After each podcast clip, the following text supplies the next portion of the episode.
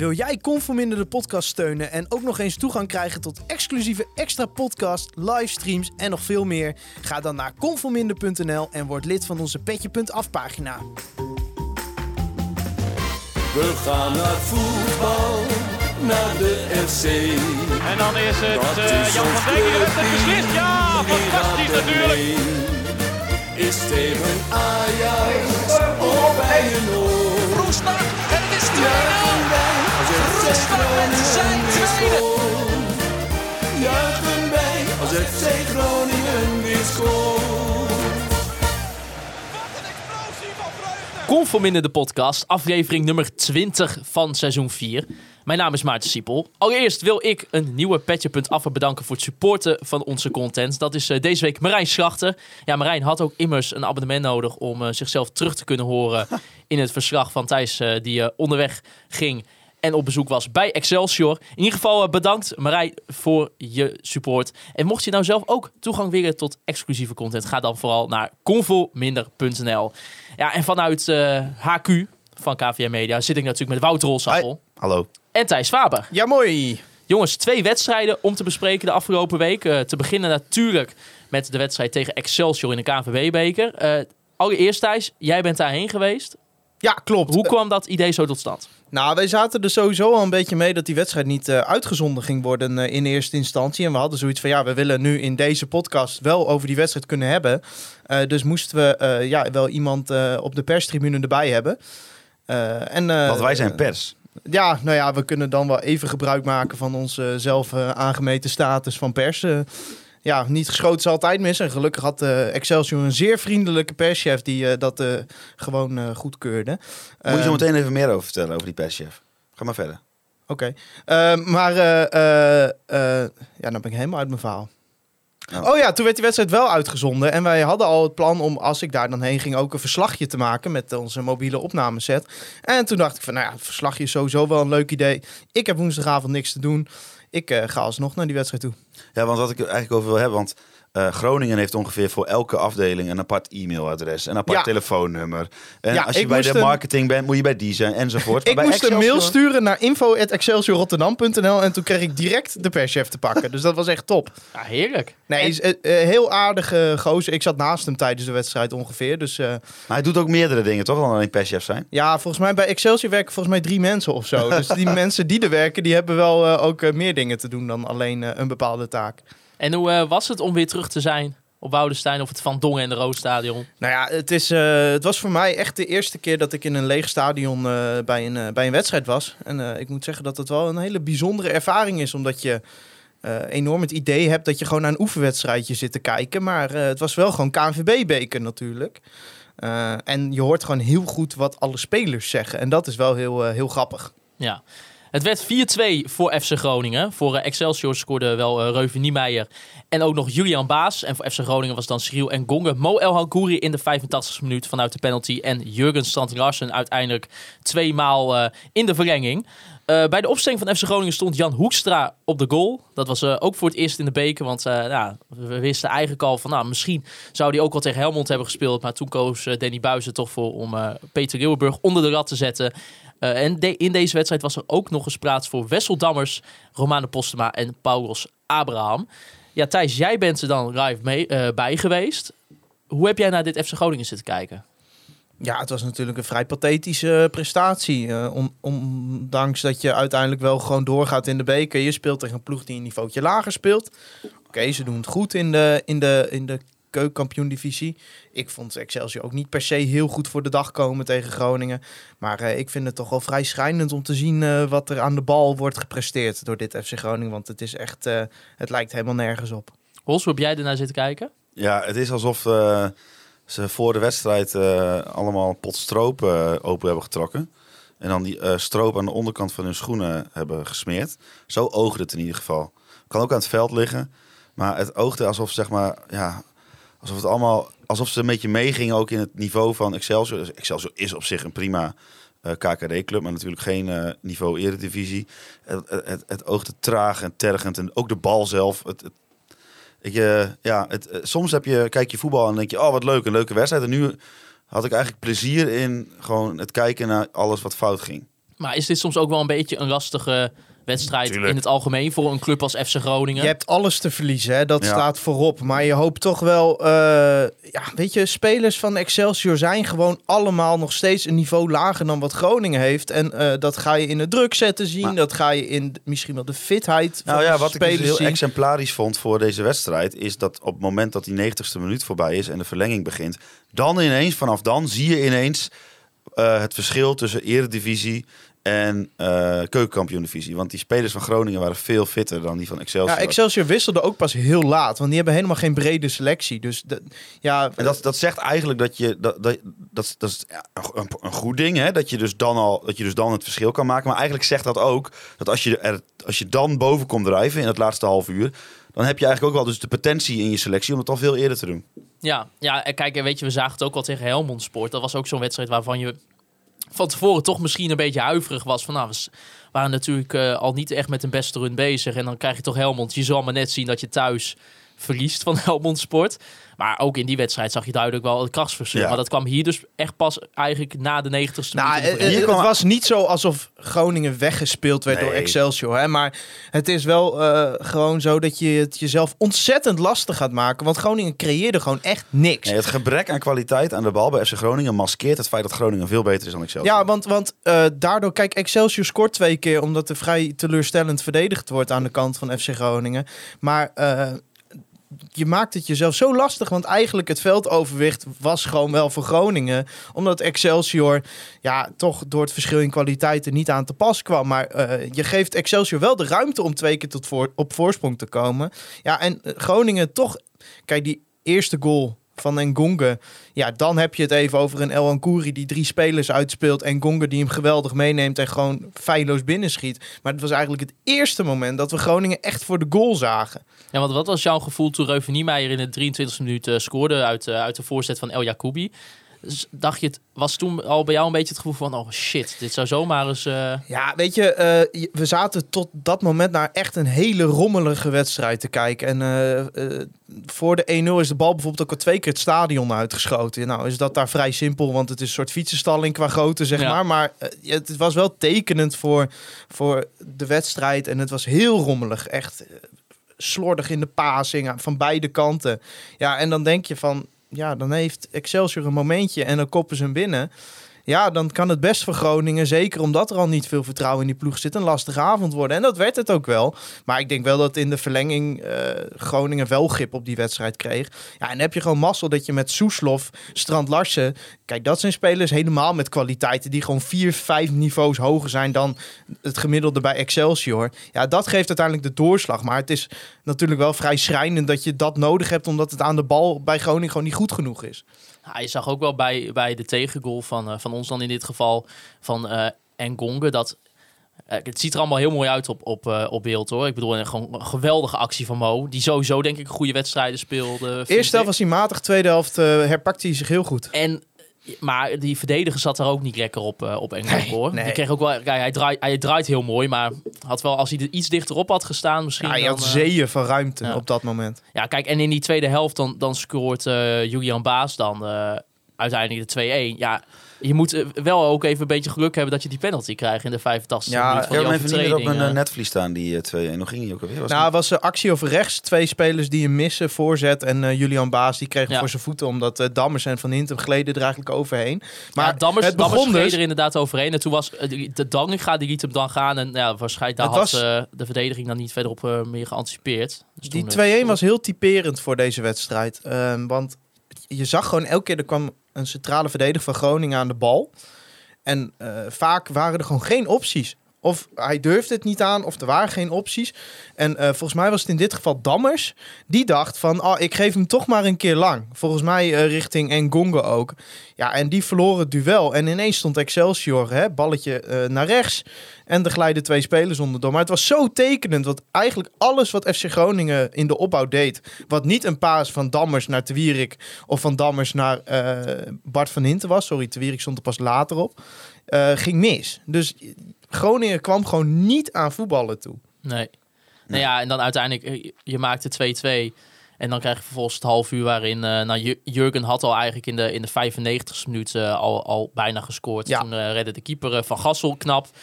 Ja, en vervolgens de twee goals waarvan ja, de tweede viel ook een Ja. beetje ongelukkig. Nou ja, ik, ik sprak Jurgen na die wedstrijd. Want ik dacht, ik loop de mixzone ook maar even in. Kijken of we nog iemand voor de microfoon kunnen krijgen. En eh, dat lukte. Met eh, Jurgen stond namelijk in die mixzone een beetje te kijken van... Nou jongens, ik heb twee keer gescoord. Wie gaat me interviewen? Maar niemand had een interview aangevraagd. En ze Oh. kunnen allemaal geen Engels natuurlijk. dat, dat zal het zijn. Maar eh, ja, hij zei zelf ook dat van... Ja, ineens stond hij samen met De Leeuw voor de keeper. En die bal van De Leeuw was helemaal niet goed natuurlijk. Maar ja, je ziet toch wel dan dat hij gewoon... Hij ligt in zijn val en hij weet toch nog waar de goal is. Ja, dat is wel zijn kwaliteit. Ja. We hebben een stukje vanuit het Ja, interview. nou ja, ik wou er meer over zeggen. Van, eh, we hebben het er nu eh, in de podcast over. Maar wil je nou zeg maar Thijs als een soort... Ja, misschien is het een veredelde even ten Napel Leo Driessen. Waar wens je jezelf mee te vergelijken, Thijs? Oh, wat jij wil, Ja, dit was Nou, een ik keurig vond- verslag. Ik vond het erg leuk. Ik wist namelijk niet wat hij ging maken. Hij ging alleen met een audioapparaat op pad. Dus Ja. ik werd ook een beetje verrast. Ik was ook eh, een koptelefoon vergeten. Dus eh, dat Ja. is, ik was een audiomaker die niet eens kon controleren of wat hij maakte, Nee. of dat ook eh, van goede kwaliteit was. Maar goed, eh, eh, mocht je nou denken, hey, dat soort, want dat soort eh, dingetjes moeten we misschien wel eens wat vaker gaan doen. Maar goed, eh, we, we beloven niks. Maar dan kun je dat dus eh, luisteren op eh, via convanminder.nl. En een klein stukje van het interview met eh Strand Larsen, dat hebben we hier voor je klaargezet. Yes, Jurgen. Two goals yet again. How do you feel? No, I, I'm in a good good period, so uh, things are things are good and things are fine. But uh, of course, today is a kutwedstrijd, as you can call it. So uh, yeah, but at the end, the most important is to win. So uh, we are also a bit, bit lucky that we can score two times after coming behind. But uh, for sure, we were a better team. We have more chances. We have more uh, more quality than this team. So um, it was a deserved win at the end.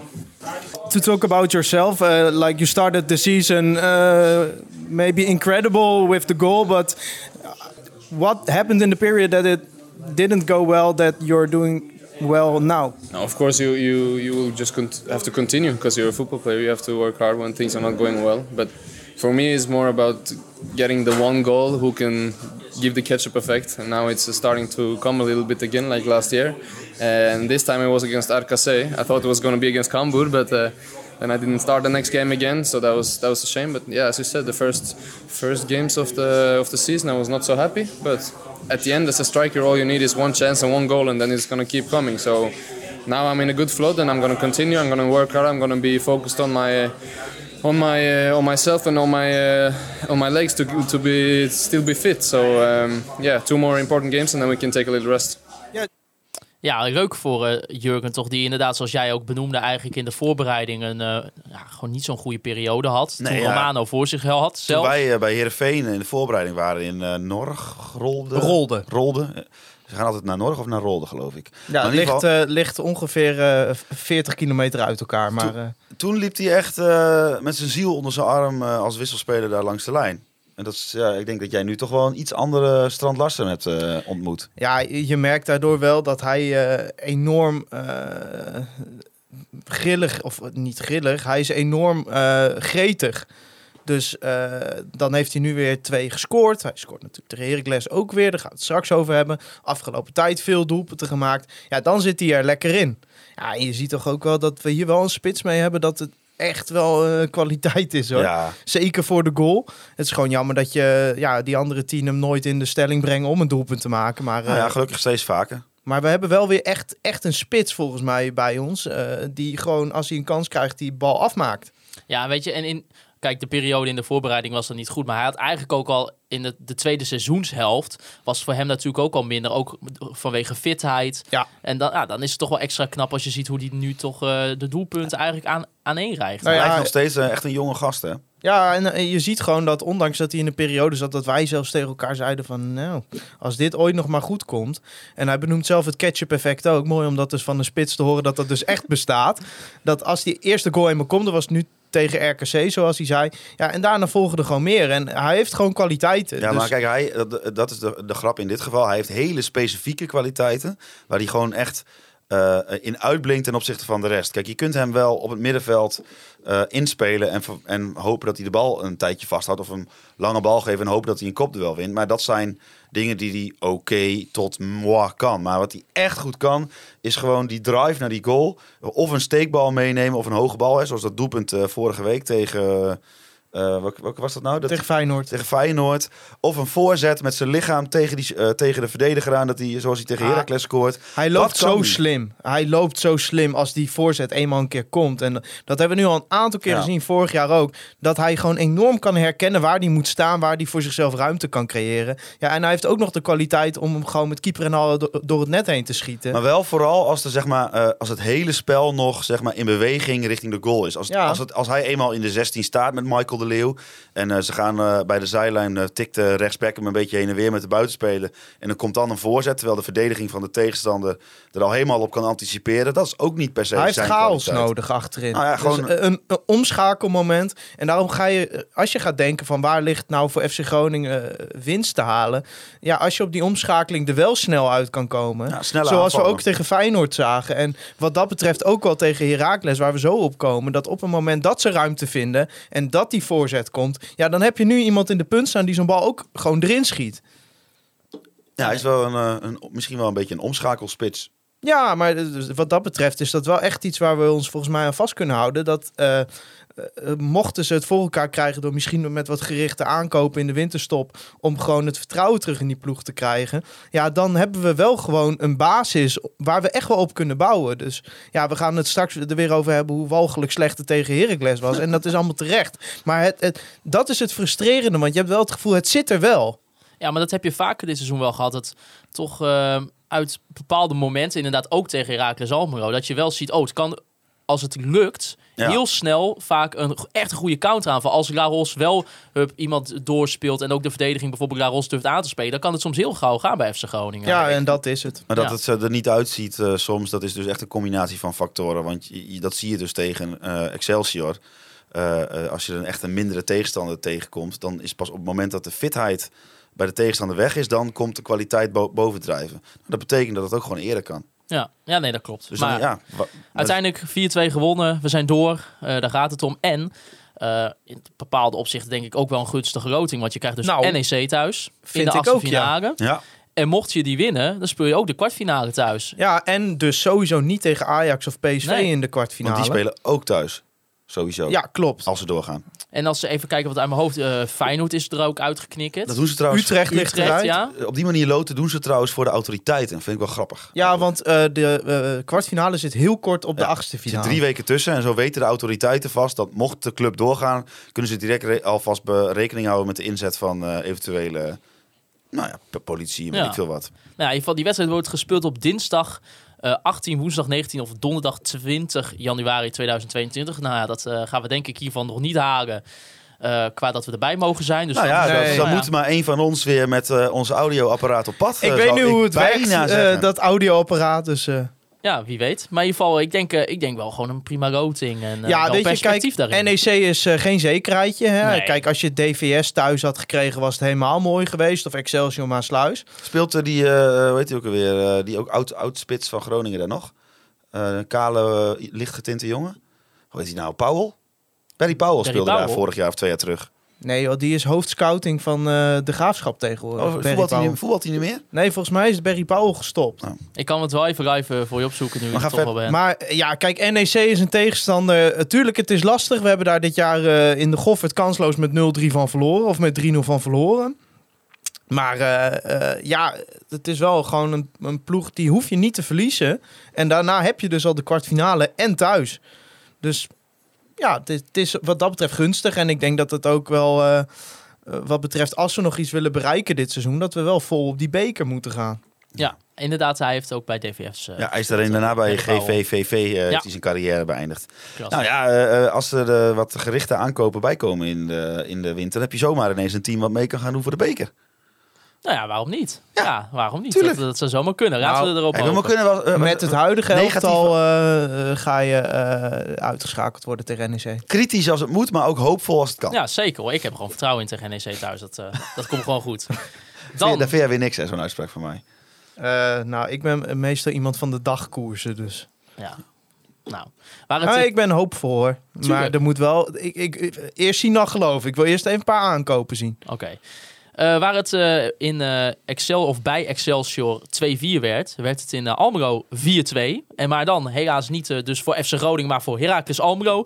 Voor FC Groningen scoorde Jurgen Strand wederom weer. En ook de eerste Eredivisie goal van Romane Postema.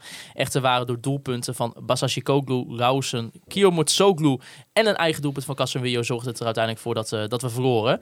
Ehm, als we even kijken naar de op opstelling van FC Groningen, was het eh, van tevoren bekend dat Mo El Hankouri niet fit genoeg was voor de wedstrijd.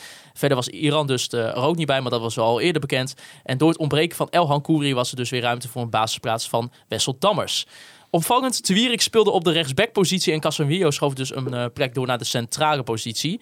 Bij Heracles Almelo waren er natuurlijk ook al een eh, aantal wijzigingen die eh, de afgelopen weken langzaam erin zijn gewerkt. Natuurlijk door het missen van Rai Vloed, Delano Beurzog en Azoui hebben moeten ze het voorin toch doen met een aantal andere spelers. En daardoor speelde Basashi Koglu, ex-FC Groningen speler Kai Sierhuis en ook Nicolai Lausen die steeds beter begint te voetballen bij Heracles. En zo ook dus in de wedstrijd tegen Groningen. Ja, Groningen komt op voorsprong. Negende minuut. Jurgen Strand Larsen. Vanaf rechts geeft eh, Thomas Soeslof een eh, goede voorzet. En eh Strand Larsen bleek eh, toch te sterk te zijn voor Kio Motsoglu. En schiet hem eh, lekker in. En dan denk je, dit wordt een lekker potje. Ja, maar al vrij vroeg daarna zag je weer het probleem van dit FC Groningen opkomen.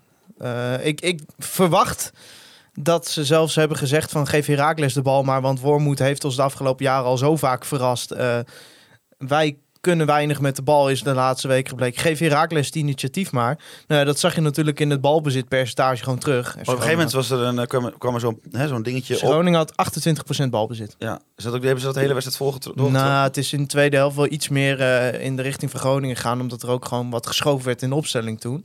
Eh, maar ja, op zich, geef Heracles de bal, probeer zelf de 1-0 te maken en gebruik te maken van de ruimtes die Heracles weggaf. Want dat was echt niet normaal hoeveel ruimte die weggaven. Maar ja, je ziet daarna gewoon, met dat balbezit wat er wel was, dat ondanks dat Heracles die ruimte maar bleef weggeven, zeker met die Cagliata en die Vadica op, eh, op rechtsback en op linksback, ja, spelers herkennen het niet of zo. Gewoon die ruimtes niet. eh, er was geen diepte in het spel. Ja, en dan is het eigenlijk gewoon wachten totdat Heracles de onvermijdelijke 1-0 maakt. Ja, dat je 1-1. daarna, of de 1-1 maakt. En dat je daarna, eh, ja, met een beetje hulp van de arbitrage per ongeluk de 2-1 ook nog tegenkrijgt. Want ja, goed, weet je, het, het is niet de reden dat je hier verliest. Want Groningen is gewoon weer slecht voor de dag gekomen. Maar die 2-1 had toch never nooit mogen tellen. Nee, klopt. Ja, nee, dat was weer inderdaad een, eh, een VAR momentje. Maar wat moet Dammers dan doen? Drie keer rollen en schreeuwen, dan had hij gefloten. Want het was gewoon een smerige overtreding van Sierhuis. Ja, hij is gewoon ietsje te laat in ieder geval. Maar kijk, weet je, ook eh, in de periode ervoor, ehm, je zag inderdaad wel dat, dat was ook nog een keer na het doelpunt, zag je dat FC Groningen ook nog een keer die ruimte bij uh, Cogliata eh, benutten. Want ja, inderdaad, Fadiga en Cogliata zijn, vind ik, leuke backs, maar zijn, vind ik wel verdedigend eh, zwakke punten bij hen. Het is gewoon een beetje heerlijk als je goed positiespel speelt, jongens mee op kunnen komen. Was vervolgens eh, was er ook nog een keer dat, eh, dat Schoofs bijna Guagliata goed aanspeelt om, eh, om eventueel een doelpunt te maken. Maar die komen verdedigend wel wat tekort. En dat zag je in ieder geval in, in dit geval bij de linksback dus ook. Dat Soeslof daar goed gebruik van maakt. Maar ja, net wat je zegt, Heracles bepaalde wel gewoon het tempo en het positiespel. Ja, en dat kan best een keuze zijn. Hè? En dat is helemaal geen rare keuze. Want Her- Heracles creëert helemaal niet zoveel dit seizoen. En Groningen heeft het lastig aan de bal. Dus weet je, geef ze de bal maar. Eh, maar ja, om vervolgens de bal überhaupt niet meer aan te raken, dat is, dat is ook een ding. En die kansen die je dan krijgt om ze op de counter te pakken, wat gewoon kan met, met die twee backs die veel te hoog opstaan bij Heracles. Ja, als je dat niet benut, ja, dan wordt het gewoon inderdaad wachten tot de 1-1 valt. Eh, ik probeer mezelf niet te veel te herhalen, maar die 2-1. Ik snap niet waarom je überhaupt nog een VAR hebt als je hem niet gebruikt. Ja, ik ben het er dus niet helemaal mee eens. Ah, wat, is, wat is hier Nou, omdat... een eh, goede beslissing aan? Als ik nou in mijn... eh, ja, maar dit is misschien meer een wat fundamentelere discussie hoor. Want als ik nou kijk naar VAR en waarom heb je die nodig? Dat is om bijvoorbeeld eh Henry tegen Ierland, eh Lampard op het WK. Ja, maar En ik vond deze overtreding, het was een overtreding, maar hij ver, hij- de overtreding eh, had niet direct invloed op wat er... Niet heel veel direct Ah, wat een onzin! Dammers is weg uit het centrum door die overtreding. Ja, Sierhuis. het niet het is letterlijk de voorassist. Sierhuis geeft de bal op Lausen en die scoort. dan schiet die bal weg. En dan daarna raakt Sierhuis hem. Of die hem nou raakt of niet, Dammers zal door de beweging die hij maakt over de zijlijn. Daar zou hij ergens terechtkomen. Die zou sowieso niet meer met de- deze Ja, aanval nee, maar even serieus. Het het is gewoon een overtreding. Ja, ik in weet- aanloop naar die goal. ja, ja, ja, ik denk, ik, ik vind hem dus, nou ja, een beetje een grijs Nou, gebied. nee, dit is helemaal geen grijs gebied. Nou, ik Wie de. Meijer zegt het gisteren ook. Dat is dus de opperscheidsrechter. Geen idee, daar moet je kennelijk hoef je daar geen enkele kwaliteiten voor te hebben om opperscheidsrechter Ja, te worden. Want Wie de Meijer is misschien wel de allerslechtste scheidsrechter ooit. Maar die zegt het ook. Volgens de regels is Groningen gewoon genaaid. Nou, Ja. dat zegt hij niet letterlijk, maar, dan maak ik er even Hoe van. komt het dan Thijs dat er op dat moment toch de keuze wordt gemaakt om het doelpunt wel door te Nou, dat komt dus omdat ze niet naar de overtreding hebben gekeken. Nee, maar naar de Ze hebben alleen maar buitenspel naar de gekeken. buitenspel gekeken. Dus Omdat dat is de eigenlijk, in- eigenlijk is dat wel een... eh,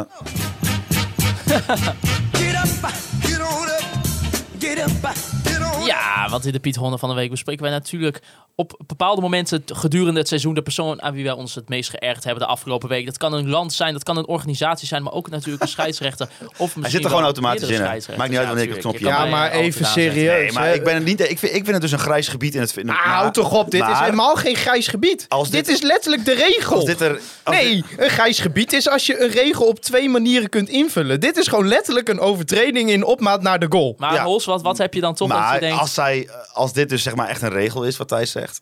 Kijk, ik vind de VAR moet je voor veel simpelere dingen gebruiken, niet voor dit soort dingen. Maar oké, als hij eenmaal dan wel gebruikt wordt en, hij, en de mensen die naar de schermen kijken zien dit niet, wat doe je daar dan? Ja. Ja, en het is ook natuurlijk, om breder te trekken, niet de enige fout die de Ik VAR het gemaakt heeft in dit eh, Eredivisie Ik weekend. vond het wel grappig hoe Bas Kammerga dat op Twitter zei. eh, natuurlijk, eh, die bij jou hier laatst ook eh, gezeten heeft, onze grote vriend. Die zei van ja, dan moet je dus eigenlijk één iemand weghalen achter die schermen. En die moet je gewoon naar de tv laten kijken, naar de tv-uitzending. Want wij zagen het allemaal wel. Maar de, de twee mensen die dus eh, naar de schermen in het VAR-hokje eh, kijken, die zagen het niet. Nou ja, Sjoerd-Jan Gispen die vroeg dan ook, ja, is het VAR-project dan ook definitief in zijn lucht? Je speelt weer tegen een achterstand eh, die je anders niet had gehad. En los van de uiteindelijke eind- einduitslag heeft dit wel een grote negatieve weerslag op het, verloop van de wedstrijd. Eh, we, we, we zijn in Amerika geweest, Thijs en ik. En eh, daar hebben ze ook een VAR bij American Football. Maar dat is heel anders. Ten eerste, wat al heel veel beter werkt, is dat de scheidsrechter... die heeft een microfoontje, waardoor hij altijd uitlegt wat hij doet. Nou, dat is bij voetbal natuurlijk ondenkbaar. Maar goed, ga er maar eens over nadenken of dat niet een idee is. Want dan kan de scheidsrechter gewoon zeggen van... eh, we nemen deze beslissing hier en hierom. En wa- daar heb je... eh dan kun je zeg maar bijvoorbeeld eh, challengen. Dus hè, als jij... Dat is in tennis. Ja, dus als, als de te- team het er niet mee eens is, dan... Denk, ik denk dat zo'n systeem veel beter is. Het, ik, ik denk dat het, eh, het gewoon het middel VAR niet het probleem is, maar dat de ontzettend incompetente mensen achter de VAR, die ook nog met z'n allen ruzie hebben. Want eh, Nijhuis, die gewoon na een VAR-beslissing op zijn eigen VAR gaat afgeven. Ja, het, het is gewoon. In Nederland moet je maar hopen dat de VAR en de scheidsrechter van dienst geen ruzie met elkaar hebben. Want dat heeft invloed op de beslissingen. Ja, dan is het VAR-project mislukt. Maar dat heeft er gewoon mee te maken dat we in Nederland gewoon een hele hoop incompetente scheidsrechters hebben. En die worden allemaal, omdat ze de conditietest niet halen, achter een VAR-scherm gezet. ja, en dan krijg je slechte beslissingen. Ja, Ja. kijk, en je, je, je, bre- je merkt ook dus ook bij Nijhuis dus, eh, dat was ook bij Heracles Almelo dan tegen Feyenoord, dat hij zegt, ja, ik, ik- word ook gewoon in twijfel eh, gebracht eigenlijk door wat ik op, de- vervolgens op de schermen zie. Terwijl wat ik eigenlijk daadwerkelijk zag, dacht ik, ja, dit is, eh, dit is geen overtreding, gewoon door laten gaan. Maar omdat hij elke keer zei, ja, ik zie elke keer dat loopje van, het, van dat bepaalde moment, ja, dan op een gegeven moment ga je het zien en denk ik, ja, dan is het wel een overtreding. Nou, ik ben toch wel instinctief geneigd om alles wat Bas Nijhuis zegt in twijfel te trekken. Dus eh, hier ga ik niet zomaar in mee. Maar dan de rust in. 2-1 achterstand. Eh, FC Groningen gaat wisselen. D- Daniel van Kaam komt erin voor uh, Marin Swerko en Dankerui voor Wessel Dammers. Eigenlijk het moment daarna had het al 3-1 voor Heracles moeten zijn, omdat Luca Torre de bal eh, overschiet.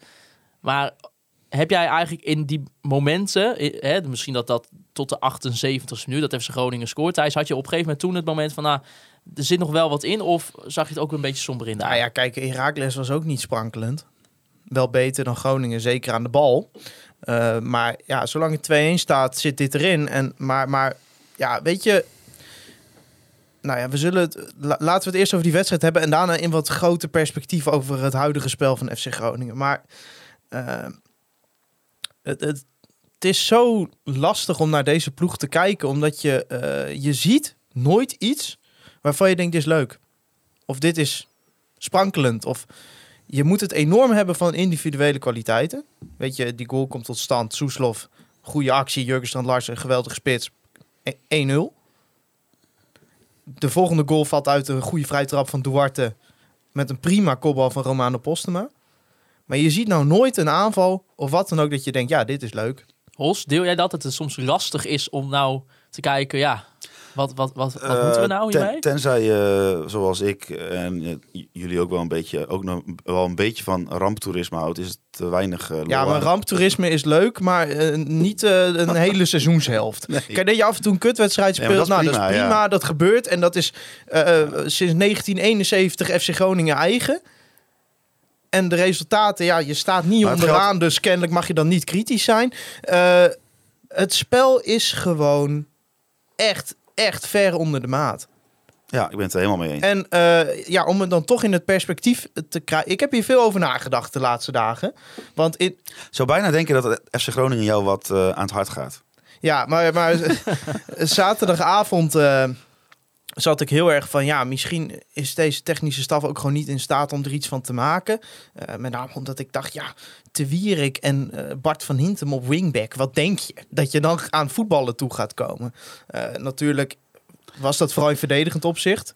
In, aan de bal speelde Wessel Dammers gewoon op het middenveld... speelde hij eigenlijk met vier achterop. Ja, want er kwam ook een vraag binnen van Arjan Thaes. Die zegt, ja, snappen jullie waarom in de wedstrijden tegen Excelsior en Heracles weer voor vijf verdedigers werd gekozen? Terwijl we in 4-2-3-1 speelden Nou, in eh, kijk, dat is inderdaad in principe- verdedigend. in verdedigend opzicht speelde Groningen met vijf verdedigers. Maar als je dan gaat nadenken, wie had je anders op de plek van Te Wierik en Bart van Hinten moeten neerzetten? Jaya Kalli zit nu op de bank bij de onder 21. Dat is niet zomaar zo. Bjorn Meijer is ook gewoon nog niet eredivisie. Ja, dan blijft Bart van Hintem over. El Kouri is geblesseerd. Dankelui. Een hele maand niet getraind. Wat zit er nog achter?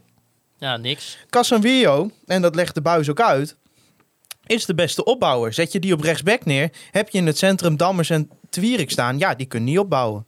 Nee, en ook omdat je, je wil juist, tenminste dat, dat, idee krijg ik, willen ze heel graag eh, of Soeslof of Laros Duarte inspelen vanuit het centrum. Ja, en, en dus ga je nadenken, wie had je anders op die wingback-posities moeten neerzetten? Dus ik kan wel heel erg gaan kijken van ja, waarom zet deze technische staf in godsnaam die spelers op de back neer? Maar die technische staf kan niets anders.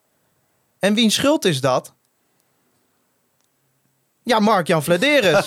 ja, ja, sorry. Het komt, ja, maar ik ik heb hier lang over nagedacht. Hè, en ik denk, ik wil me ook niet blind staren van... van eh, nou, mensen weten best dat ik, dat ik Danny Buis als trainer altijd erg waardeer. En, eh, maar ik denk dat er op dit moment gewoon niet heel veel meer uit te halen is. Omdat nee, je maar, gewoon... bijvoorbeeld, ja, ja, maar je had bijvoorbeeld misschien ook wel kunnen zeggen... Hey, ehm, er had wel wat eerder naar een structurele basis zelf kunnen worden gekeken. Ja, maar de helft van die selectie was nog niet wedstrijdfit. eigenlijk eh, vooral achterin, je had geen no-brainers, zeg maar. Duarte kwam binnen. Geen voorbereiding gedraaid. Iran dus, nog half geblesseerd. Yaya Kali, Maar- van zijn lang zal zijn leven nog niet goed genoeg voor de eredivisie. Dat zijn je vervangers van je sterkhouders. Ja, wat verwacht je dan? Verwacht je dan echt dat je het bij Heracles wel even makkelijk gaat winnen? Het zit er gewoon niet in in deze selectie. We komen gewoon kwaliteit tekort. Hols, ben je daarmee eens? Ja, ik ben het er wel mee eens. Ik denk wel, eh, eh, als we dan eh, hebben over de technische staf, ik denk dat. eh vind het sowieso lastig om van buiten te zeggen wat ze anders moeten doen. Dus dat is. Maar gevoelsmatig zou ik met deze selectie wat terug, meer, teruggaan. Naar, dat heb ik voor mij ook al een keer eerder gezegd naar de basis. ja, van, ik ook. Van eh, wat, ze als, hè, in, wat je in de jeugd geleerd krijgt. Gewoon, eh, ik heb soms het idee dat, het iets te, dat ze iets te ingewikkelde. Dat zij maar de, de tegenstander hebben geanalyseerd en dat ze er een plan voor hebben. Maar dat ze dat misschien soms iets simpeler moeten houden Ja, daar ben ik het helemaal mee eens. omdat je dan, eh, omdat het dan ook, ja, dat klinkt misschien gek, maar voor ons wordt het dan ook misschien iets logischer wat, om naar te kijken. Dat is, ja, Nou ja, kijk, het is net ook wat je zegt. heel Het is ook nou ja, heel daar hoef je het natuurlijk niet voor om te doen, maar dat zal wel waarschijnlijk. Nee, maar inderdaad, want het is, het is natuurlijk wel wat je zegt. Het is heel erg lastig om hè, wij die niet elke dag met de jongens zijn, om hier wat over te kunnen zeggen Nou, van pak je het zo kunt, of je kunt je baseren op de verhalen die er naar buiten komen. Buis heeft natuurlijk gewoon gezegd: deze spelers, deze groep past gewoon niet bij de coachingstijl van Danny Buis. Ik hoorde Neil Petersen ook zeggen in de FC Afkikken podcast. Die had ook een aantal spelers uit de selectie gesproken. Die zegt: ja, vorig jaar was er gewoon een selectie die wist hoe Danny Buis werkte. En die weet dat zijn werkwijze resultaten oplevert. Er zijn nu gewoon een hele hoop spelers bijgekomen die daar niet aan gewend zijn. Deze selectie is gewoon een totale mismatch met deze technische staf. En ja, misschien is dat de conclusie. Maar de, ja, ik, ik vind het heel lastig om Danny Buis er de schuld van te geven. Omdat ik Ja. wel het gevoel heb, en dat zie je ook aan het wisselbeleid in deze wedstrijd. Hij heeft er alles aan gedaan om die wedstrijd naar Groningens hand te zetten. Van Kaan brengen, daar breng je meer voetbal mee. Dankelui, daar breng je ook weer meer diepte mee op de flank. Maar het zit in deze selectie, het zit er gewoon momenteel niet in. Ja, hoe keek je dan ook naar het moment dat er drie keer gewisseld werd? Joosten, Abraham en Postema komen in het veld voor eh, Van Hintem, Soeslof en, eh en Gonge. Nou, daaruit volgt wel de goal. Uiteindelijk van Romano Postema. Ja. Maar Eh, even eh, Joosten, hè, om- die er even uit te pikken. Die zal ongetwijfeld kunnen voetballen. Maar die zit niet lekker in zijn vel, denk ik. Die komt erin tegen Excelsior. En het eerste wat hij doet is iemand een dood, doodschop geven. ja. Ja, sorry, maar ik, de, dan gaat, gaan bij mij alle amateurpsychologen uh, radartjes gaan aan. Dan denk ik van, eh, gaat het wel goed met hem? En dan vervolgens, ja, dat, om over de voetballende eh, prestaties nog maar te zwijgen.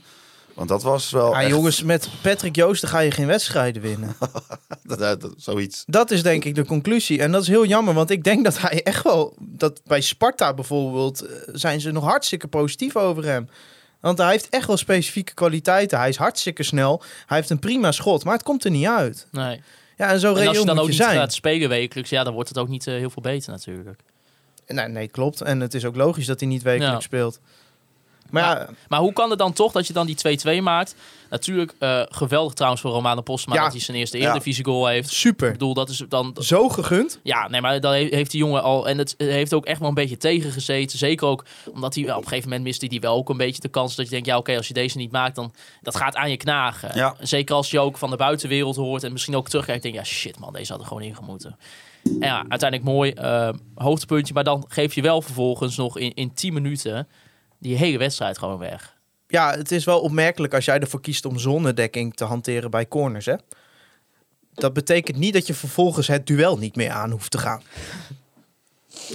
En eh, ik vind het bovenal, en dat wilde ik graag ook nog vandaag even gezegd hebben. Ik heb zaterdagavond een keeper gezien die FC Groningen waardig is. Ik ook. Ongelooflijk goed. Pet, niet Patrick, Peter Leeuwenberg. Hij heeft de lat voor zichzelf. eh, oh, hè, dit, is, dit is wat we willen zien eigenlijk. Als we dit week. consistent zien, hebben we een hartstikke goede vervanger van Sergio Pat. Wil ik even gezegd hebben, want je moet ook gewoon zo eerlijk zijn op het moment dat hij het wel gewoon goed doet. Hij en dat is wat eh, ik het allerliefste zie. Man van de wedstrijd van Ja, maar- Groningen Ja, maar ik, ik merkte bij mezelf op een gegeven moment zo'n gevoel van, nou ja, kom maar op, want hij houdt ze tegen. En dat, eh, dat heb ik lang niet meer gehad met de keeper van FC Groningen. Wat wel bijzonder is, als ik goed geteld heb van de laatste zes tegendoelpunten, zijn het er drie met het hoofd. Ja, dat Groningen lastig heeft met hoge voorzetten, dat hebben we in de voorbereiding al gezien. Maar dat is echt veel. Ja, Dat is niet. eh, nou ja, goed, het is maar twee Ja, wedstrijden. maar ja. die goal van Basashikoku sta je ook al verkeerd, hè? ja maar goed, de, de ruimte tussen de centrale Ja. verdedigers tijdens die goals, daar kun je een eigen postcode op krijgen. ja, dan kun je gewoon Ja. eh, op, op Oudjesdag eh, Gaston met de rode vrachtwagen... eh, Ja, een van die voorzetten, die, eh, daar ging Wessel Dammers onderdoor. Die, eh, ja, die kwam niet hoog. Nee. Nee, nee, maar wat ik zeg, dan kun je gewoon de postcode loterij op winnen hoor. Eh, go- goedemorgen. Ja, maar kijk. Maar, Ja, toch, maar nou ja. eh, weet je, Danny Buis zegt dan ook ehm, in, in een interview van, weet je, dat je dan vervolgens na die 2-2, dat je dan nog die twee doelpunten weggeeft. Ja, dat ontbreekt toch ook gewoon wel aan, aan gochme of eh, gewoon karakter misschien binnen zo'n ploeg. Ja, dat zijn de woorden die hij zelf ook Ja, en, Ja, die en gebruikt hij 120 minuten in de benen. Ja, Maar het, eh, eh, ja je gaat ook maar een beetje naar je, brengt, richt- je brengt wel drie wissels erin. Ja, oké. ik vind- om aansluitend op wat Thijs net zei, hè, dat die selectie misschien niet helemaal eh, bij je buis past. Op een gegeven moment, dat is het leuke als je alles kan horen. Zie je een bal, werd links eh, voorin verspeeld, geloof ik. Of een kutpaas, ik weet het niet meer precies. Michael de Leeuw stond in de buurt. Nou, dan hoor je Danny Buis schreeuwen, hou druk. En nou, eh, Michael de Leeuw eh, zet aan, maakt aanstalten om druk te zetten. En dan hoor je iemand anders, ik weet niet of het Adrie was of een ander, die zei, Michael, alles! Maar Michael deed niet alles. Michael shockte gewoon een beetje heen. Ik vond het best wel... eh, nou ja, dat, dat sluit wel aan bij wat jij zegt, Ja. zeg maar. Dat die, dus, het spel wat Danny Buis voor zich ziet... is dat een aanvaller dan een keiharde sprint trekt... naar die verloren bal toe. En dat, dat zijn dingen die zie je gewoon niet heel veel in deze selectie terug. Nou ja, weet je, een, een, een ander voorbeeld, eh, niet qua voetballend gezien dan, maar je- dat merk je ook natuurlijk, dat Danny Buis soort van zijn, eh, doen en houden moest veranderen Ja. op basis van hoe hij die jongens benadert. Hè. Dat benoemde hij zelf, dat dat constante schreeuwen of dat ja, gewoon dat echt zo direct erop zit, wat bijvoorbeeld iemand als Ahmed El Masoudi eh nodig had, zoals hij zelf benoemde. Oh, wat had je die er goed bij kunnen hebben, zeg, dit Die, seizoen. die Oh. eh, had, ja, dat, dat heeft deze ploeg dus blijkbaar had daar moeite mee. Weet je wel? Nou, en dat, result, dat is misschien dan weer een ander voorbeeld wat een beetje aansluit op, op jouw voorbeeld. Ja, maar Dus dat het, het, me- het ergens is... De, het is een voorbeeld. Ik wil ook niet zeggen, oh, doen alsof Michael de Leeuw eh, niet eh, zijn kloten eraf werkt. Maar het zijn wel eh, net, net die momentjes dat je ineens de trainer hoort. Dat je denkt, oh ja, dit zijn dus de momenten waarbij hij wil dat het team met z'n allen als een gek gaat jagen. Ja, het is gewoon lastig, want ik, ik ben gewoon heel erg bang dat... Kijk, Buis is volgend seizoen geen trainer meer van FC Groningen. Dat durf ik met 100% zekerheid te zeggen. Dat is gewoon... Rutger Ottens, eh, schrijf je mee alsjeblieft. Voorspelling. Gaat dan deze eh, winter... Gaat Vladeren spelers halen die bij Danny Buis passen? Ik bedoel, dat heeft hij al twee jaar lang niet meer gedaan. Dus Ja, goede ja, vraag. gaat deze selectie aangevuld worden met spelers die bij Danny Buis passen? Ik weet het niet. Ja, Ja, ga je dan de- misschien Maar aan de andere kant, dezelfde ja, problemen houden? maar ja, dat is natuurlijk ook wel. Want je kan je ook misschien wel als Mark-Jan Verderes voorstellen... dat je toch denkt van ja, eh, ik kan nu wel in de winststop... eh, een, een centrale verdedigende middenvelder, een linksback en een rechtsback halen... die allemaal passen bij Danny Buis. Ja, want Maar eh, wij zijn al bezig met de volgend seizoen. Ja, maar dan, dan eerlijk- zit je toch in een ontzettend bezopen Ja, situatie. maar eigenlijk. maar zeggen, want Ja. de, de, eh, eh, ik denk vanuit eh, het technisch beleid eh, oogpunt dat ze wel een vervanger van Matosiwa hebben gehad, namelijk Duarte. Ja, Ja, maar, Maar ja, zo is hij dat, nooit- dat zo is hij is nooit het gewoon benoemd. niet. Dat is het gewoon niet. Nou Nee. ja, ze hebben het eh, zo genoemd. Maar het initiële idee, en dat hoor je wel vaker, was dat Duarte naast Matosiwa was komen te spelen. Ja, dat is niet gebeurd. Want uiteindelijk was Duarte ineens de vervanger van Matosiwa. Dus eh, ja, dus zo ben je gewoon het seizoen ingegaan. En dat is eh, het punt waar je nu staat. Dat de technische directie en de technische staf met elkaar eh, in de clinch liggen. Dat je als je van AZ verliest, waar ik vanuit ga, weet je, je kunt daar nog altijd resultaat boeken. Eh, ja, dat je gewoon ergens onderaan in het rechte rijtje bungelt. En dat je een trainer hebt die er volgend seizoen niet meer zit. nou ja, er kwam ook nog een vraag en ik, ik wil trouwens niet insinueren dat Danny Buis en zijn staf niet 100% gaan geven om het nog goed te maken. Want dat, dat ligt niet in hun nou, sterker nog, die Nou ja. mensen werken allemaal 80 uur per week. Dat is ongekend. Als jij op een woensdagavond om 11 uur nog licht ziet branden bij het Topsport Zorgcentrum, is dat Danny Buis. Want die werkt de hele dag door om, om dit te verbeteren. Maar ja, het, het is wel gewoon de situatie dat die spelers, die weten ook gewoon dat volgend jaar Danny Buis hun trainer niet meer is. En zij zitten er nog wel. Ja, en ik denk toch dat het onbewust gaat het altijd meespelen. Ja, tuurlijk je- speelt het mee, doen- maar Ja. Ook het feit dat überhaupt Vladeres en Buis en de technische staf... dat dat allemaal niet zo lekker loopt als je de verhalen moet geloven. Dat, dat gaat bij spelers ook gewoon in de koppen zitten. Nou, Gerard Posma die had ook een vraag die zegt... hoe reëel achten jullie de kans dat Buis voor het einde van dit seizoen al vertrekt... als het zo slecht blijft gaan qua spelbeeld? Denken jullie dat Buis zelf op een gegeven moment misschien wel denkt... mij lukt het niet meer, voor de club is het beter... als er al iemand anders voor de groep staat?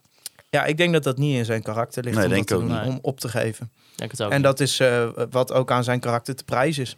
En ik denk dat hij, als je kijkt naar zijn eerste seizoen bij FC Groningen... dat hij in staat is om het om te draaien. Kijk, en je moet ook niet vergeten in het grotere plaatje, zeg maar. Groningen gaat niet degraderen. Eh, want eh, Fortuna en Zwolle zijn wel zo allemachtig slecht. Dat gaat niet gebeuren. En eh, al, als je wel, even vanuit de technische eh managerkant bekeken... als je wel een nieuwe trainer wil, die wil je in de zomer. Want er is nu niemand vrij. Iedereen zit nog op zijn plek. En als je weet, stel dat het gaat gebeuren... Thijs is er 100% van overtuigd... Ik du- durf ook wel een beetje erbij aan te sluiten. Nou, dan ga je in de winter ga je tegen Danny eh, zeggen van eh, je, we willen je niet meer. En dan kun je gaan zoeken naar een trainer die uit zijn contract loopt. Of iemand die eh, een clausule heeft. Dan is, dan is je markt is veel beter. Als je hem er nu uitgooit, dan maak je er denk ik eh, voor je toekomst van je club ook niet een betere situatie van. ik vind het ook helemaal geen goed idee om Danny Buis nu te ontslaan. Dat, is, Nee. ja, dat heeft totaal geen Dat zin. Daar ga je nu niet beter van worden. Nee. Maar je moet hem wel in die tweede seizoenshelft in ieder geval nog wat spelers geven waar hij wat mee kan. Ja, Ja. En eh, het lijkt me fijn om te beginnen met dat we wel eredivisiewaardige backs hebben.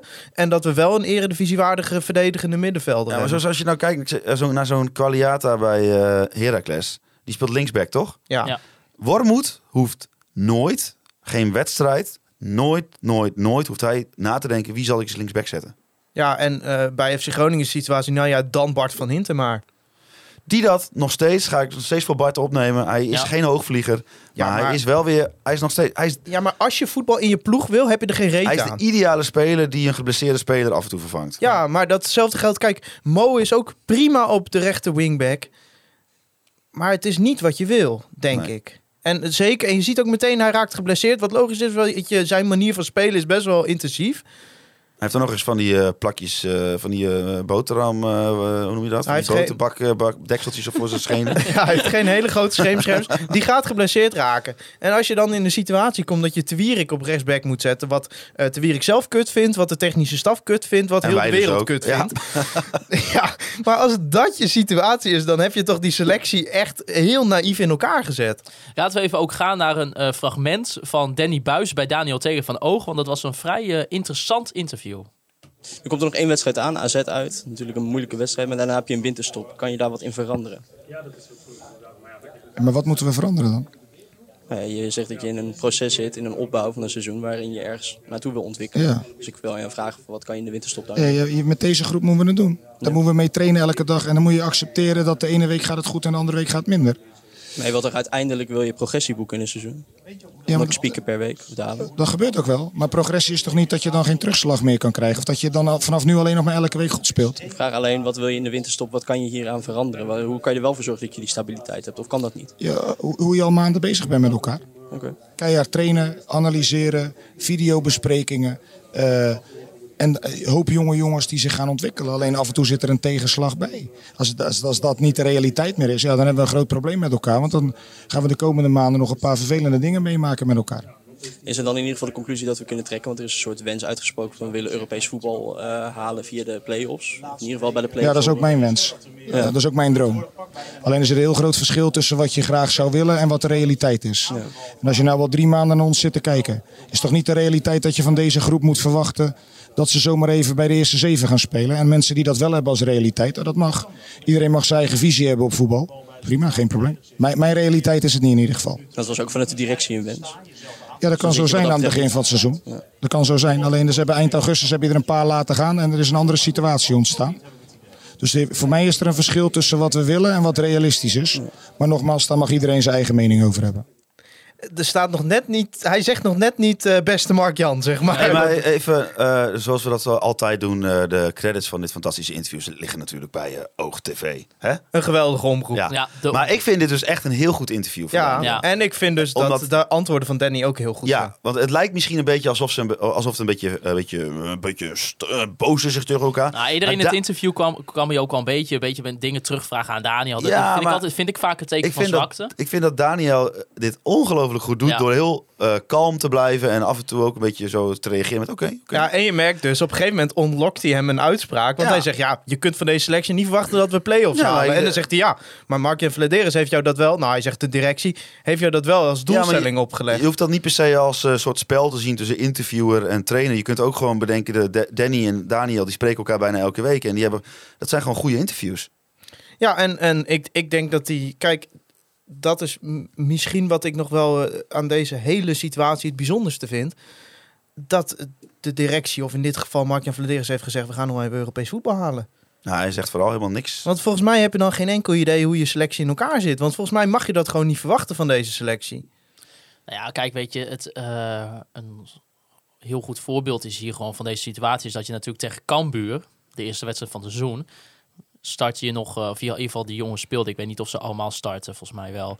eh, speelde je gewoon nog met eh, Gabriel Goedmondsson, Azo Matosiwa en Ahmed El Menzoudi. Ja. En een week later had je, had je ze allemaal Nou. Utrecht had je ze nog wel, hè, thuis. Ja, oh ja, misschien klopt, ook ja. wel een van de betere wedstrijden Ja. van Groningen Maar daarna was. was het, eh, was het klaar. Nou ja, we weten allemaal die thuiswedstrijd tegen Herenveen nog. Eh, PSV uit hebben we ook nog met die spelers gespeeld. was ook een goede wedstrijd voor Groningen. Ja, die thuiswedstrijd tegen Herenveen. eh ja, dat was meteen wel een beetje een wake-up call natuurlijk. Dat, eh, dat we op linksback een probleem hadden. Dat zag je toen. Dat we op verdedigend middenveld eh, een probleem hadden. Omdat toen meteen Soeslof als, als zes werd gebruikt. Ja, en eigenlijk is dat probleem, ondanks dat Soeslof dat prima ingevuld heeft, nooit weggegaan.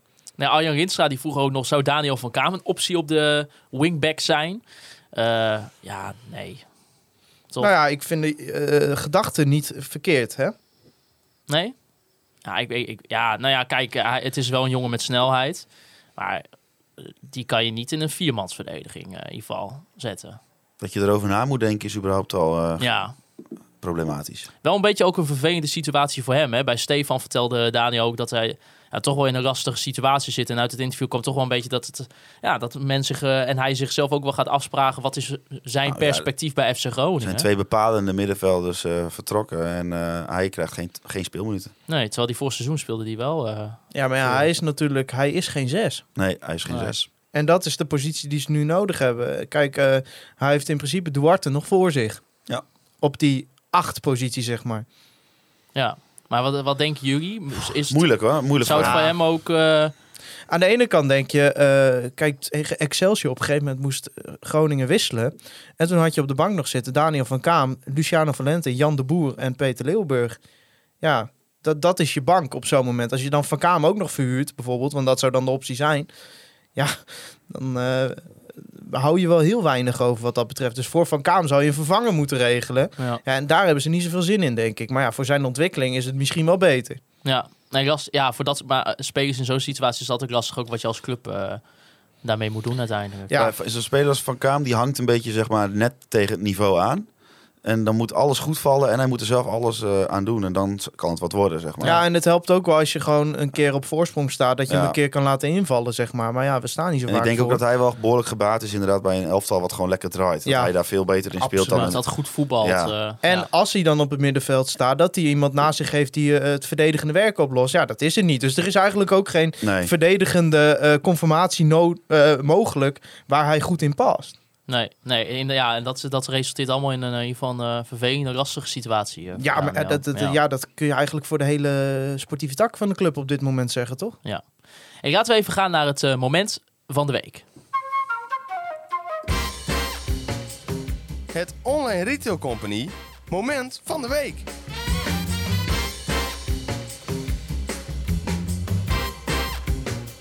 Ja, ons moment van de week. Ja, gesponsord niet zomaar wordt, het eh, moment van de nee. week. Het, de Online Retail Company moment ja, van de week natuurlijk. Dat is een fijne winkel, toch? Ja, absoluut. Maar ik denk, ik corrigeer jou even, want jij zegt zomaar moment van de week, maar dit is niet zomaar een moment nee, van de nee, week. dit is de Online Retail Company eh, moment van de week. Geweldige winkel, verschillende webshops. Ben je op zoek naar een luchtbed, ben je op zoek naar een zwembad. Schrikdraad, een luchtbedompomper met William Pomp. Eh, geen idee. Het kan allemaal bij een van de winkels in ieder geval van de verschillende webshops die we hebben bij eh, de Online Retail Company. Ja, ons moment van de week. Ja, ik vond het toch mooi om te zien. Ehm, we hadden een beetje discussie over van tevoren, Hols. Van ja, is het soort van terecht. En, maar misschien kan jij daar wat straks wat meer over zeggen. Eh, maar ik vond het in ieder geval mooi om te zien dat eh, Onno Kukler, bekend van, eh, van Kids United, hè, de, ooit een voetbalclub die hij heeft opgericht in 2003 met zijn vrouw Margriet. om ja, kinderen die een beperking hebben te kunnen laten sporten. Die heeft dus nu Groningen van het jaar gewo- gewonnen. Ja. Jij zat er nog een beetje mee van. Nou ja, ja, kijk, ik vind sowieso wat zij doen is geweldig. En in principe zou hij elk jaar voor mij wel een eh, moment mogen krijgen waarbij, dat even, waarbij we daar even stilstaan. Maar je hebt natuurlijk altijd je eigen voorkeur hè, als het gaat om zo'n award. En mijn voorkeur ging eerder naar de mensen die zich hard hebben gemaakt om die twee eh, Armeense kindjes David en Nune in Nederland te houden. Want dat vond ik, maar daar ben ik, heb ik zelf ook mijn, eh, zeg maar een meer gevoel bij. ja. Maar dat neemt niet weg dat wat Onno Kukler doet dat met eh, Kids United, dat dat ook van onschatbare waarde is. En dat daarom die prijs alsnog gewoon hartstikke goed bij hem eh, op zijn plek is. Ja, ik denk dat hij toch wel ook een voorbeeld is geweest, misschien wel voor de rest in Nederland, als het Ja. gaat om hè, voetbal mogelijk te maken. Voor Maar ik zou hem misschien met meer een oeuvreprijs geven. Want hij Ja. doet het al hartstikke lang. Ja, joh. En Er zit zoveel werk in. ja, dus dat is meer, eh, dat is meer hoe ik er naar kijk. Ik vind echt dat het, de, zeg maar de, de vermelding van hem vind ik altijd terecht, want het is geweldig. Ja, nou ja, dat, dat was. Ja, ik vond het gewoon mooi om te zien. Weet je, ik bedoel, zeker als je hem ziet met zijn zoon. En eh, daar zaten dan vervolgens ook nog allemaal beelden bij. Met al die. Met al die. Echt gewoon ja, een zee aan kinderen. Gewoon die daar gewoon alsnog kunnen voetballen. Eh, leuke momenten in de Euroborg altijd als ze penalties mogen nemen. Of dat soort eh, zaken. Dus. en daar ook wel weer een beetje mee. Natuurlijk de credits aan FC Groningen. Die Ja. dat natuurlijk ook ondersteunt. door middel van financiën en andere zaken. Om ook. Dit soort dingen belangrijk eh, te maken. Dus ik vond dat, ik vond dat Ja. gewoon mooi. Dat, daarom verdient hij dat. Maar was jouw eh, moment van de week niet eh, toen jij dat shirt wat daar over die stoel naast je hangt? ja, het derde shirt. Ja, want dinsdag ja, was het dan zover. De mystery box. Hij kwam uit, hè? Heeft hem even in je handen nu? Ik heb hem nu in mijn handen inderdaad. Om, eh, in tien uur waren ze allemaal uitverkocht. eh, de shirts eh, die in samenwerking met eh, de Groningse rapper Kraantje Papi eh, zijn gemaakt. Ja jongens, ik heb hem dus ook Jij nog even meegenomen. Ik had, ik had hem ook even speciaal voor jou meegenomen, Hols. Omdat jij hem nog misschien niet in het echt had Nee, gezien, klopt. denk ik. Ja. Ja, wat, eh, ja, voel mezelf ook even. Oh. Wat, eh, oh, eh, misschien eh, dat Thijs, of dat Wouter ondertussen even kan kijken. Thijs, wat vind jij nou uiteindelijk van het shirt? Ja, ik moet zeggen, toen ik de foto's zag, en eerlijkheid gebied te zeggen, ik had al een, een paar maanden geleden eh, in de, in, in de wandelgangen door iemand een Ja. zeer gedetailleerde beschrijving Een man eh, met een onder, lange jas, toch? onder mijn ogen. Een man met een lange jas die mij een beschrijving onder mijn ogen schoof. Ja, Eh, maar eh, ja, dus ik twijfelde erover of dit wat zou zijn. Ik en eh, ik moet zeggen, ik haalde hem uit het doosje. De mystery box. En eh, ik, eh, ik vind hem in het echt, echt mooi. Ik vind hem echt Maar ik heel maakte- erg vet. Ja. Maar ik maakte er een foto van en ik keek naar die foto. Ik denk, ja, op de foto is hij eigenlijk helemaal niet mooi. Nou ja, helemaal, hij is in het echt gewoon mooi. Ik, ik vind hem echt heel mooi. Ik vind met name eh, de groenkleur, hoe ze dat gedaan hebben, dat is een beetje met patroontjes, een beetje falig gemaakt.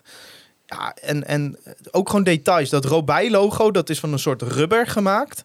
Dus dat is dat ook gaat wel van eh, tof. Nog zo'n soort gouden Ja. eh, eh, dingetje op de... Eh, de straatsteentjes, dat had van mij niet per se gehoeven. Als je dat gewoon helemaal gewoon een zwarte mouw had gemaakt, dan was het denk ik helemaal mooi Ja, geweest. maar Ja, dan was het misschien wel een beetje saai. dat is misschien ook wel zo. Gaat maar, FC eh, Groningen hierin voetballen? Ja, weet Ja, ik niet. jawel, moet Want dat is- ik- ja. zij, zij, eh, ze ze hebben toch ook in die, al die announcement video's zei Kraantje Papi ook, ja, jullie krijgen het shirt eh, eerder te zien dan de, dan de spelers en zo. Dus Ja. je, je moet Ja, toch ik weet het niet, maar ik vind, het, eh, ik vind het absoluut een... Kijk, een derde shirt mag gewaagd zijn. Ik Ik vind, het, hem echt eh, super gruwelijk. ik vind het absoluut een, een mooi shirt. Ja, Ik, vind, het wel jammer. Kanttekening, ik had graag het jubileumlogo erop gezien. Ja, ik moet, ik moet zeggen, nu ik hem zeg maar zo aan heb, dan mis ik hem niet. Maar ik, ik, eh, ik vind nog steeds een beetje, ja, ik vraag me wel nog steeds echt af waarom dat daadwerkelijk zo was dat ze niet voor het jubileumlogo hebben ge- Ja, en dan gekozen. was hij ook nog een stukje unieker geweest, Misschien wel, vind ik. ja. Maar kijk, ik wil, waar ik ook vooral even heel blij om wil zijn... en ik wil ook even daardoor de credits geven aan, aan Robij, misschien ook FC Groningen... maar ik weet niet, eh Robij is uiteindelijk de shirt maken. Kijk, ik heb shirts van Puma gehad. Ja. Ja, sorry, maar die had ik ook gewoon ergens... eh, Op de Ramblas. op de Ramblas in zo'n shop waar je dan zeg maar eh, FC Barcelona shirts voor 2 euro kan halen. Kijk, ja, maar heel echt serieus. Ik heb dat thuisshirt van ons vorig seizoen. Eh, dat de Office Center, zeg maar, als sponsor, dat zat... Ja, het, ik vind het een beetje lastig, maar dat... Ja, dat zat in de stof genaaid. Dat zat gewoon in zat de er niet stof als genaaid. sticker op. Nee, en nu kan een sticker soms ook wel een beetje kloot zijn, omdat je, als je dat een aantal keer was, dan valt Ja. het eraf. Maar hoe dat hier is gedaan, met re- relief ook, het, eh, prachtig. Eh, hetzelfde geldt ook op de achterkant met Peet. Inderdaad ook de Robij-logo's, die dus inderdaad in een soort van rubber gumachtige iets zijn. Ja, dit, dit is een goed kwaliteits voetbalshirt. En die van, eh, die van Puma, met alle respect, dat waren gewoon slechte shirts. En het leuke is dat hij dus eh, eh, zeg maar exclusief is. Dus dat er maar een, bepaal, een, een, een gelimiteerde oplage is. Ik vond ook dat de aanloop er naartoe vond ik ook... vond ik dat FC Groningen dat erg leuk had gedaan in samenwerking, denk ik, met het social media team van Kraantje. Alleen de dag zelf, dat de shirts dus uitgepakt werden door supporters, dacht ik ineens, oké, waar is nu het plan? Ja, ik Want- vond het wel mooi. Ze hadden er een hele hype omheen gebouwd. En uiteindelijk was de eerste keer dat ze het echt bekend maakten... was eh grote vriend van ons, Ja, die ons Joost Drijver. die Die zat vorige week nog zat. hier ja. vorige week in de studio. Die had een foto van het shirt gemaakt op de keukentafel. Dat werd uiteindelijk de aankondiging. Ja, dat was... Ja. eh, Dat had ik iets anders aangepakt. Maar ja, weet je, kijk, FC Groningen had het net zo goed eh, op welke manier dan ook kunnen aankondigen. Ze hebben alle shirts die ze hadden Ja. ingekocht, hebben ze verkocht. Maar dit is er ook Dus ja. echt eentje voor over 5, 6, 7, 8 jaar. Dan, dan zie je dus af en toe iemand in zo'n shirt rondlopen. Ja. En dat is wel echt gruwelijk. Ik hoor wel van veel mensen dat die nogal klein valt. Ja, Ja. daar hebben de mensen die hem nog niet hebben, want je kunt hem niet meer bestellen, hebben daar niets aan. Maar Zie je, hoe, hoe valt hij bij jou, Maarten? Ja, maar ik, heb, ja, ik had gewoon mijn, mijn maat had ik gebaseerd op het uitshirt. In, oh, in het uitshirt had ik een, eh, een M en die zat gewoon heel goed. Want je bent normaal gesproken ben je van de S'jes, hè? In de normale Eh, kleding. ja, eh. maar misschien ben ik ook wel een beetje gegroeid. Ik weet niet. eh, ik, ja, dat verschilt een beetje ook weer per winkel natuurlijk. nou, ik hoor wel van mensen dat het niet de corona-kilo's zijn, maar Nee. dat het echt. eh, Nou, mensen bestellen al een maat groter, denk- want dat moet bij Robij. Ik Maar denk- dat deze nog wel wat kleiner De- valt dan het uitshirt. kleiner, dat Ja. denk ik ook wel. Maar ik, mijn maat was prima. Ook, ja, de- natuurlijk wel toen het eh, 12 uur was, eh, brak de hele shit los op social media. Want eh, ja, je kon een XL, je kon een M, je kon het allemaal selecteren. Maar als je vervolgens ging betalen, kreeg je alleen een. Ja, dat, ik, ja, en toen moest de pagina blijkbaar Ah. refreshen. Maar Groningen zou Groningen niet zijn. Als de er iets misging in de webshop, Tenminste, ja. iets niet helemaal Nee, vlekkeloos ja, de shop was er toch niet helemaal Je klaar moet wel voor. gewoon een beetje bij je karakter Ja. blijven. hè? Het was ook alsof je in 1997 aan het internetten was. Dat je nog zo'n PTT-kabel in de muur moest steken. Ja, ik heb het nooit bewust meegemaakt. Maar Nee. ik denk dat het zo was, want die website die was Het kon, traag. kon het even niet aan. Nee, nee. Uit- nou, uiteindelijk ging het bij mij goed. Bij sommigen was het ook fout, maar daar had FC Groningen wel weer op social media. Hè. Mocht je nou hem in de S hebben gehaald, wat eigenlijk voor iedereen bijna zo was. Ik, ik, ik, ik- Nou, misschien is dat, ja, als, als ik het shirt zo zie, dan dit zou nog wel eens de oplossing kunnen zijn voor het stroperige spel. Als je hierin aantreedt, Ja, hier kan je geen kutwedstrijd je geen nee, spelen. Nee, dit is, hier kan je echt alleen maar in winnen. Dus ik, eh, ja, ik, ja, maar dit moet wel een keer aan. Als je dit niet tijdens de wedstrijd een keer aan gaat doen, wat heeft dan, dit moet toch een beetje wat allure krijgen. En gewoon, Ja. ja, Nou, ik vind het een geweldig shirt. Ik ook. wil ook nog een eh, shout-out doen eh, naar de Christmas Walkthrough van FC Groningen. Ja, zijn wij ook geweest. Ja. Nee, Hols niet, maar ik wel. Ja, Ja, je, wij op aparte ik heb dagen. wel een eh, Ja. collega verslaggever erheen gestuurd. die zagen wij ik nog. moet zeggen, ik was echt positief verrast over hoeveel mensen daarop afkwamen. Ik kwam daar, ik kwam daar smiddags, eh, want ik ging nog even een kerstpresentje halen bij de club. En toen dacht ik, ja, dan gaan, pakken we die walkthrough ook natuurlijk even mee.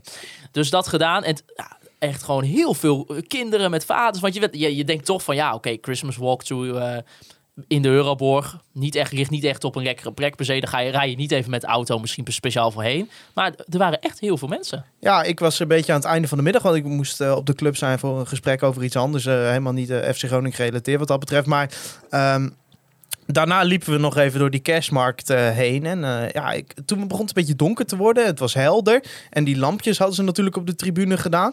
Dus ja, ik, ik vond het zeer sfeervol. Ja, en dat je ook op het eind kreeg je als, als toetje kreeg je ook nog gewoon Edwin Vroma. Die daar even de oliebollen staat te Ja, pakken. de, ja. de marketingmanager van FC Groningen stond daar oliebollen Ja, te bakken. Ja. Ongelooflijk. ehm, eh, en met een mooi Maar verhaal erbij. Ook, ja, maar ze gingen er ook met eh, de social media eh, mensen, gingen er ook mensen filmen en ja, ja, daar komt, ja. daar komt op een of andere manier wilden ze mij niet voor de camera Nee? hebben. Ik weet ook Jou niet hoe wel, dat toch? komt, maar... Ja, maar ik, ja, ik jij bent, jij bent, niet zo, jij bent niet zo kritisch Kunnen ze natuurlijk. die beelden ook naar ons toesturen? Ja, misschien wel. Moet je, moet je En je mocht je kerstwensen in de boom Nee, ik, heb, ophangen. ik had als kerstwens, ik heb tegen Frank Veenhoff heb ik gezegd voor de camera, mijn kerstwens, nou ik hoop Verdubbeling van het aantal Ik streams gun van eerst- de ik gun- podcast. Eerst iedereen natuurlijk een gelukkig nieuwjaar, een gezond nieuwjaar. Ik heb zelfs nog naar Mark-Jan Verdeers gegaan, maar ik had wel tegen Mark-Jan even via de camera gezegd van, ik zou graag nog een ervaren linksback willen. En toen zei ik, ja, dat hebben we natuurlijk met Bart van Hintem, Esso naar Bart van Hintem. Maar het zou wel voor Jaja Kerry misschien fijn zijn als hij een beetje een ervaren, snelle eh linksback eh, voor zich krijgt, waarin hij zich eh, kan optrekken. Want eh, ik wou ook Jaja Kerry niet helemaal afvallen, want eh, ja, hij kan er uiteindelijk ook niks aan. Nou, ik ben benieuwd of het de montage gaat halen. ik, eh, ik ben bang van niet. een kritische noot wordt Nee, vaak niet wel wat, gewaardeerd er hoor. stond al wel wat online, eh, maar onder de minuut was dat. Dus Oké. Maar eh, ook... er zitten eh, geen uitgebreide analyses van de linksback van FC Ik Groningen. eh, kan helaas niet zeggen of de oliebollen lekker waren. Ik want wel. ik heb twee weken na mijn coronabesmetting nog steeds mijn smaak niet terug. Dus eh, ik heb geen idee. Nee, ik moest van Edwin moest het was ik lekker warm, doen. dus eh, dat was prima. Edwin die had mij gevraagd of ik een review in de podcast wilde doen. Ja, en ik kan niks, ik kan niks anders zeggen dan dat Edwin ongelooflijk goed oliebollen kan. Ja. ik bedoel, eh, die man marketing manager. En vervolgens, weet je, die zit eerst nog allemaal andere zaken te doen. En bam, het is half vier en die man staat achter de oliebollenkraam in de Euroborg. Ongelooflijk leuk verhaal erbij. dat is hij FC Groningen, Hij hè? vindt het altijd leuk om oliebollen te bakken met oud en nieuw. Komen de vrienden langs, weet je, biertje erbij. Nou, dat kreeg erbij. Wat een ervaring. Ik, eh, ik, vond, het, ja, ik vond het gewoon een geslaagd project. Kan je niks Ik anders vind het mooi dat je gewoon binnen wat wel kan, dat je daar eh, zoekt wat, eh, hè, wat, wat leuke mogelijkheden Ja, zijn. dit dat je was daar hartstikke vol voor gaat. En ik heb ook alleen maar positieve geluiden gehoord daarover. Dus hartstikke tof. Hartstikke leuk. Ik heb nog eh, gezien bij eh RTV Noord dat eh John de Jonge daar stond met Rinus, geloof ik. En dat is een van de beste vrienden van eh Jitse, die dit jaar is overleden. Dat is ook, ja, weet je, dat geeft gewoon wat extra's of zo, weet je. Zo'n zo'n zo'n zo'n kerstactie. De club doet gewoon wat het kan. Ja, dat momenteel gewoon- met de maatregelen. vind ik, dus eh, top. was mooi. Dinsdag, en dan hebben we het over morgen. En als je misschien luistert op dinsdag zelf vanavond. AZ Alkmaar tegen FC Groningen op, eh, om 9 uur in het AFAS-stadion. Ja, de Alk Alkmaarders eh, staan 16 in de Eredivisie. Wonnen afgelopen weekend met 4-1 van Willem II door doelpunt van Goedmondson, Dani de Wit. En ook nog een eh, eigen doelpunt van Wellen Reuter. Ja jongens, dit seizoen eerder gewonnen van AZ met 2-0. De Oh, befaamde wedstrijd natuurlijk. Ja, wat denken jullie? Thijs, jij zei al van we gaan hier geen punten tegenpakken. Nee, Want AZ is wel lekker bezig. ja, absoluut. Goeie ploeg. Ja. Begon toch wel een beetje slecht aan het seizoen. hè? Ja, maar ja, je ziet, zij hebben een beetje hetzelfde als wij eh, gehad. Dat de sterkhouders zijn vertrokken en dat, die, eh, dat de vervangers daarvan eh, ja, toch wat tegenvielen. Maar ja, je ziet toch wel dat die nu wel wat kwaliteit beginnen te ontwikkelen. En dat de spelers ook echt stappen aan het maken zijn. En er nieuwe topspelers aan het opstaan zijn ook vooral. Zoals Carlson, weet je wel, dat soort spelers. Dus ja, nee, dat wordt een hele lastige avond. En ik, ja, met, met alle positiviteit die ik in me heb, kan ik mij geen scenario voorstellen waarin FC Groningen daar resultaat gaat halen. FC Groningen loopt denk ik op de winterstop op zijn laatste benen. AZ is eigenlijk helemaal eh, in de flow van winnen. Dus FC Groningen zal wel weer winnen. Ja, wie weet hè. Nee, maar het is wel inderdaad interessant om bij AZ te zien. Die verloren gewoon vier van de zes eerste wedstrijden.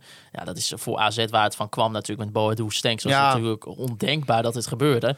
Maar ja, toch wel knap hoe Pascal Jans dat nu heeft omgezet. Ehm, ook als je kijkt dat bijvoorbeeld iemand als Sugawara, die eigenlijk een rechtsback was, die speelt gewoon de afgelopen weken op rechtsvoor eigenlijk. Een soort van rechtervleugel. Doet het daar ook gewoon hartstikke goed.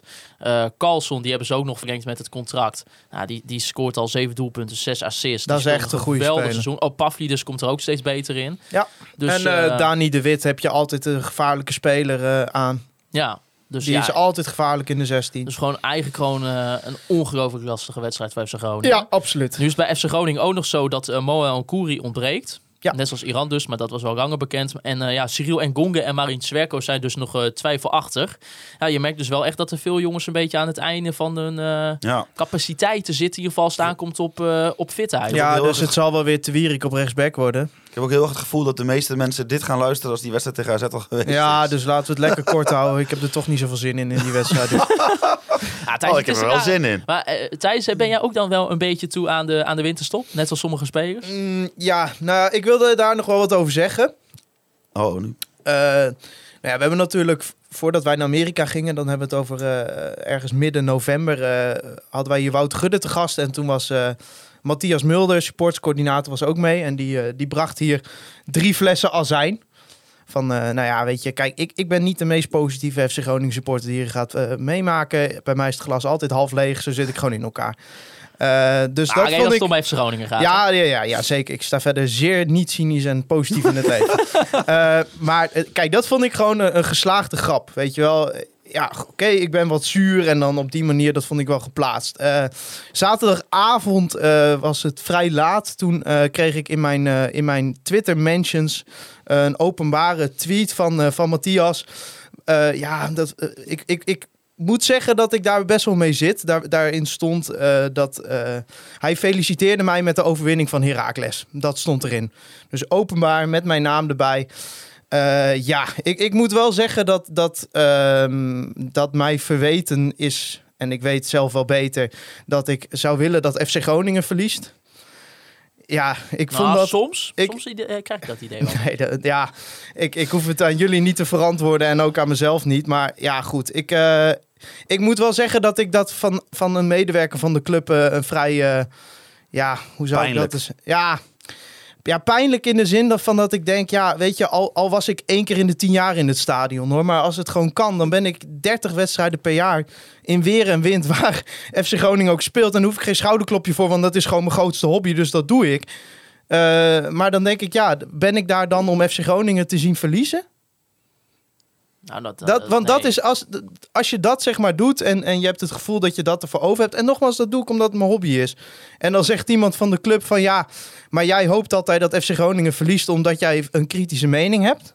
Ja, goed. Ik, eh, ik- Ja, je hoeft bij mij echt geen... eh, ja, maar ja, geen- goed. Dit, eh, voor ik- de duidelijkheid, de tweet is uiteindelijk verwijderd. Het zal vast in emotie eh, zijn geplaatst. Eh, daar heb ik ook wel eens last van, van tweets in emotie. Laten Zo, we daar wel ben jij zijn. misschien wel het grootste voorbeeld Ja, van. ja, en eh, daar ook vaak dingen waar ik achteraf niet achter sta. Maar goed, ik heb eh, tot zover nog geen excuses of wat dan ook eh, ontvangen. Nou, je hebt het niet met ons besproken vooraf. Ik vind het heel goed dat je het zegt. Ik vind ook dat je het op een normale manier brengt. En ik ben het volledig met Ja, en ik wil nogmaals, ik, ik weet Nee. je, eh, ik respecteer enorm wat Matthias doet. En, en eh, het is nou echt niet alsof ik nu enorm kwaad op hem ben. Maar ja, ik wilde dat toch ook gewoon een keer on the record gezegd hebben. Ik hoef, ik, ik ben kritisch, maar dat is vooral omdat ik heel graag wil dat het beter gaat. En omdat ik gewoon op dit moment een soort onmacht voel. Omdat ik gewoon geen aanknopingspunten zie waarom dit binnenkort beter gaat.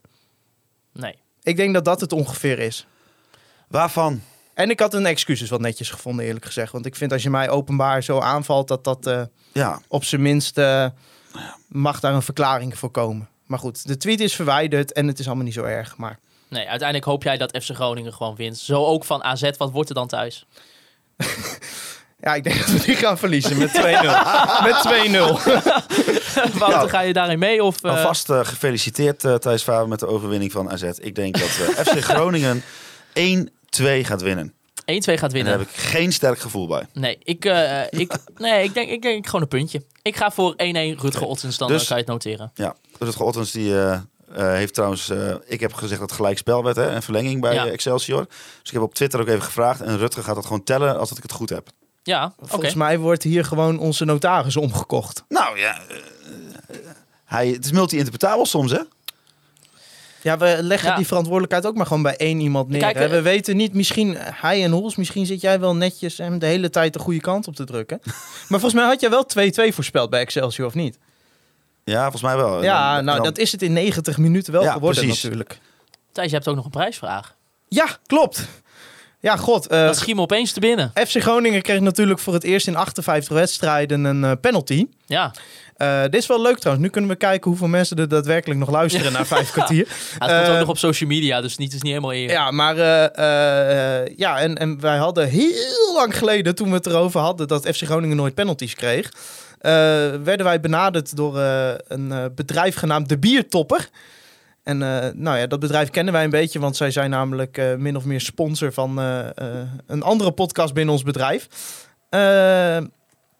En wat ben je nou aan het doen? Ja, mensen begrijpen het wel, de biertopper. Guillermo en eh Tropical Danny. maar eh, eh, waar was ik nou? Ja, die zei van eh, als FC Groningen weer een eh, penalty krijgt, mogen jullie een bierpakket weggeven. Nou, dat was zo lang geleden dat ik het al vergeten was. Ja, maar, Maar, hij kwam daar zelf mee, Ja. gelukkig. Dus eh, bij deze gaan we een, een, een winactie doen. En We wat, gaan- Van de biertopper. Ja, wat moeten mensen daarvoor doen, Thijs? Eh, er staat een linkie in de show notes en daar er mee komt ook kun een je... link, link via onze linktree op, op social media. Ja, daarmee kun je een, een- naar een Google Form gaan. En daar moet je eerst even aanvinken dat je 18 bent. Want dat zeg ik er alvast bij.